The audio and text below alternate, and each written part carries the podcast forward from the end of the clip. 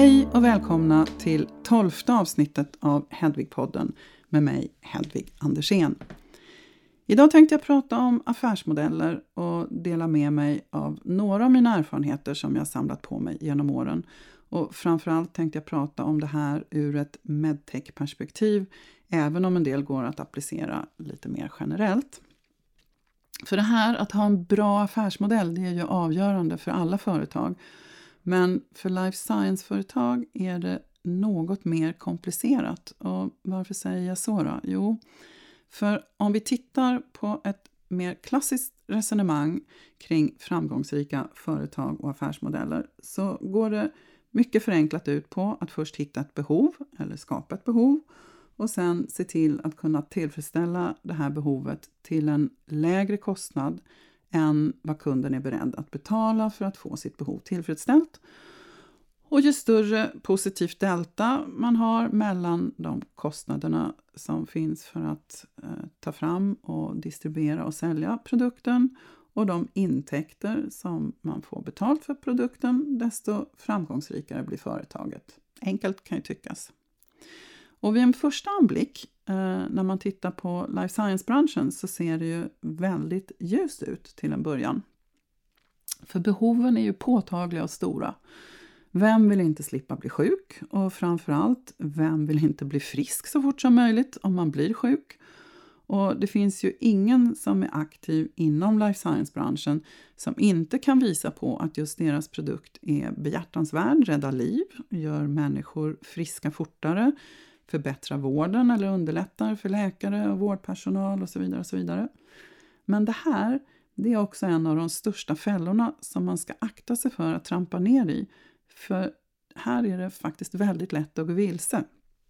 Jag kan inte säga hur många gånger som jag under åren som investerare, då, framförallt inom medtech och digital health, har fått se jättebra projekt som har presenterats för mig där det inte råder något tvivel om att produkten tjänar ett gott syfte men där jag samtidigt också har sett att den aldrig kommer att nå ut på marknaden och inte nå ut till patienterna.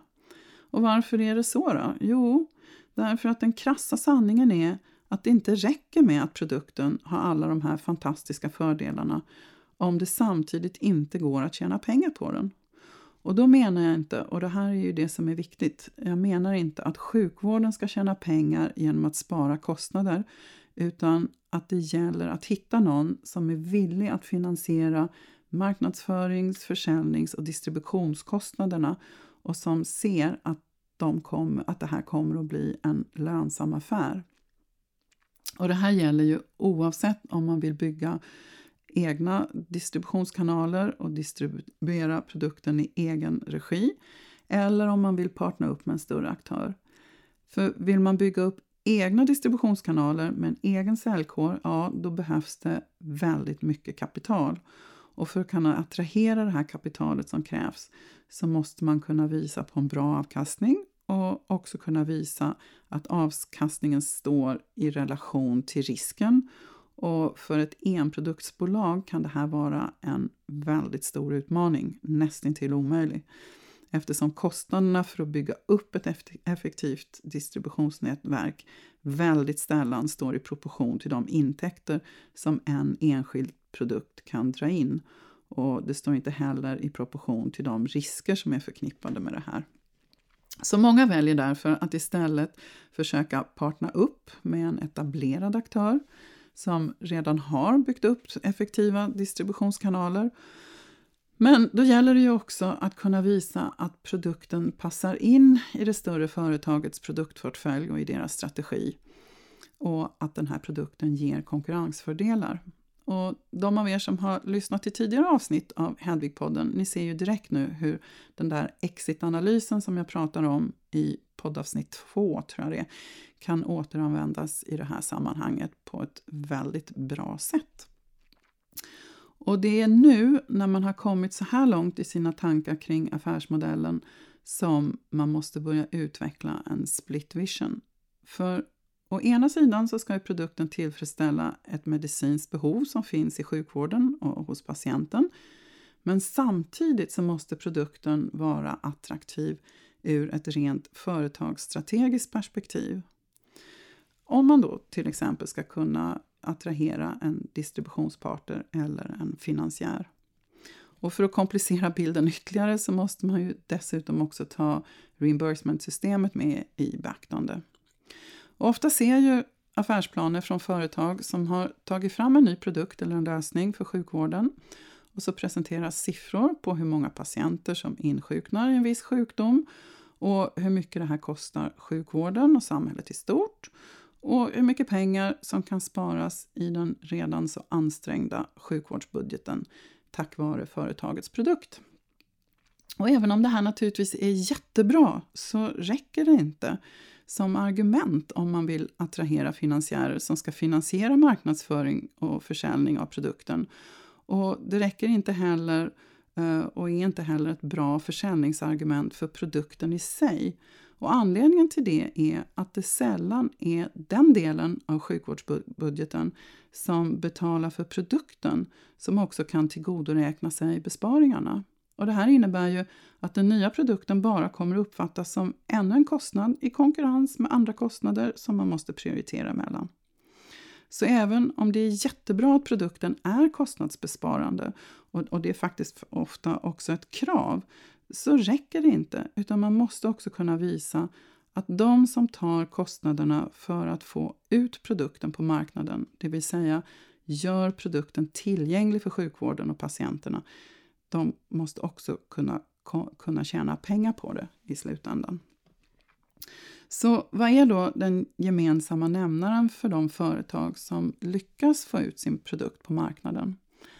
Ehm, jo, nästan alltid så visar det sig att de företag som lyckas, de har en produkt som ett större etablerat företag med befintliga distributionskanaler kan integrera i sin produktportfölj och att de kan tjäna pengar på det.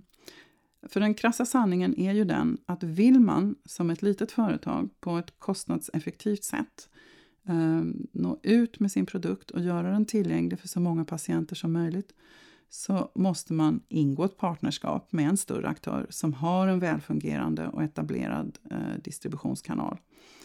Och för, ett sånt, Eh, och för att ett sådant partnerskap ska vara attraktivt så, så måste det ju vara en bra affär. Alltså både för det egna företaget naturligtvis, eh, men också för den man tänker partna upp med. Och därför är det så viktigt att man gör sin räkneövning tidigt i processen. Va? Så att man så att man säkerställer att den här tilltänkta produkten verkligen har så stora marginaler så att ett partnerskap med en eller flera distributörer är finansiellt attraktivt både för det egna företaget och de tilltänkta distributörerna. Ehm, och lite förenklat så brukar jag säga att ju större marginaler produkten har desto större är, de, är det egna företagets frihetsgrad. Men Innan man nu tecknar ett distributionsavtal med någon av de större aktörerna på marknaden så, så kan det vara en väldigt bra idé att tänka några steg längre fram i processen. Och de av er som har lyssnat på eh, det här tidigare avsnitten i Hedvigpodden, ni känner ju också till det här med att börja med slutet och hur många fördelar man får genom att ha en exit att navigera emot. Eh, för hur glad man nu än blir av att få möjlighet att teckna ett distributionsavtal eller ett samarbetsavtal med en av de större aktörerna på marknaden Eh, så ska man ju samtidigt tänka på att samma företag faktiskt kan vara en intressant och potentiell köpare av hela företaget i framtiden. För om du har det här perspektivet när du lägger upp din distributionsstrategi så kan du undvika två väldigt viktiga saker. Det ena är att i praktiken råka sälja företaget utan att egentligen få betalt. Tråkigt. Och det andra är att bli så beroende av en stor distributör att man i praktiken hamnar i ett väldigt sårbart läge och i värsta fall faktiskt i en utpressningssituation. För om nästan hela bolagets omsättning är beroende av en enda aktör, distributör då, då sitter man inte i någon bra förhandlingsläge. Det är ju liksom självklart så. Och vad menar jag då med att man säljer sitt företag utan att egentligen få betalt för det? Jo, att man har tecknat ett avtal som ger motparten så stora frihetsgrader och en exklusivitetsposition att de aldrig behöver oroa sig över att en konkurrent kan komma över produkten. Och varför skulle de då betala en massa pengar för att köpa hela företaget när de ändå har kontroll över produkten? Och i samma ögonblick som det här händer så försvinner ju alla exitmöjligheter och det egna företagets frihetsgrad är lika med noll. Så det är väldigt tråkigt om man hamnar där. Så för att undvika det här så kan det vara bra att till exempel ingå avtal med fler än ett större företag. Man kan kanske dela upp distributionen mellan dem på olika geografiska marknader till exempel, eller olika indikationer.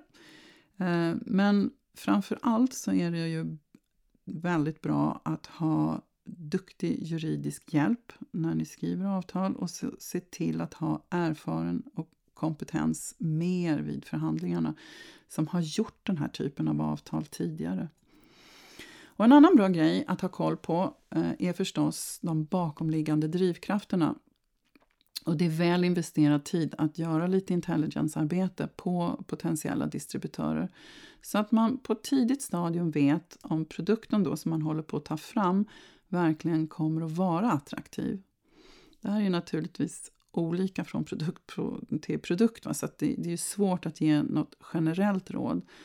Eh, men en tumregel som jag brukar använda mig av ur ett mer high level perspektiv det är att titta på om produkten bara delar tårtan i fler och mindre bitar eller om den faktiskt gör tårtan större. Och vad menar jag då med det? Eh, ja, men vi kan ta, ja, men låt oss ta hjärtklaffar till exempel som ett exempel. Då. Om ett företag tar fram en ny och mycket bättre hjärtklaff eh, som visserligen då kan uppvisa ett antal fördelar jämfört med befintliga hjärtklaffar men som fortfarande behandlar samma typ av hjärtfel som de befintliga hjärtklaffarna på marknaden, ja, då kannibaliserar ju den nya hjärtklaffen på redan befintliga produkter. Det vill säga den nya hjärtklaffen delar bara upp den befintliga marknaden i fler och mindre marknadssegment. Och det här är ju inte speciellt attraktivt eller intressant för de företag som man vill ska distribuera den nya produkten eller kanske förvärva hela företaget så småningom. Nej, det är faktiskt tvärtom.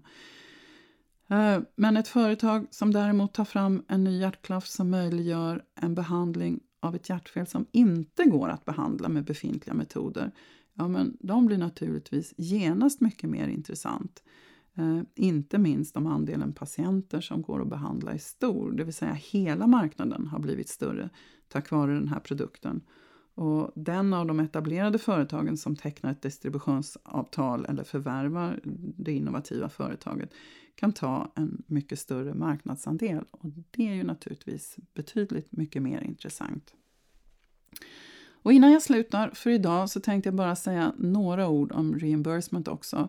Och om det här med att betalningsflödet blir ännu mer komplext inom hälso och sjukvården i och med att det är tredje part som betalar för produkten eller tjänsten i vissa fall. Eller i vissa länder så är det ju det offentliga och i vissa länder så är det försäkringsbolag.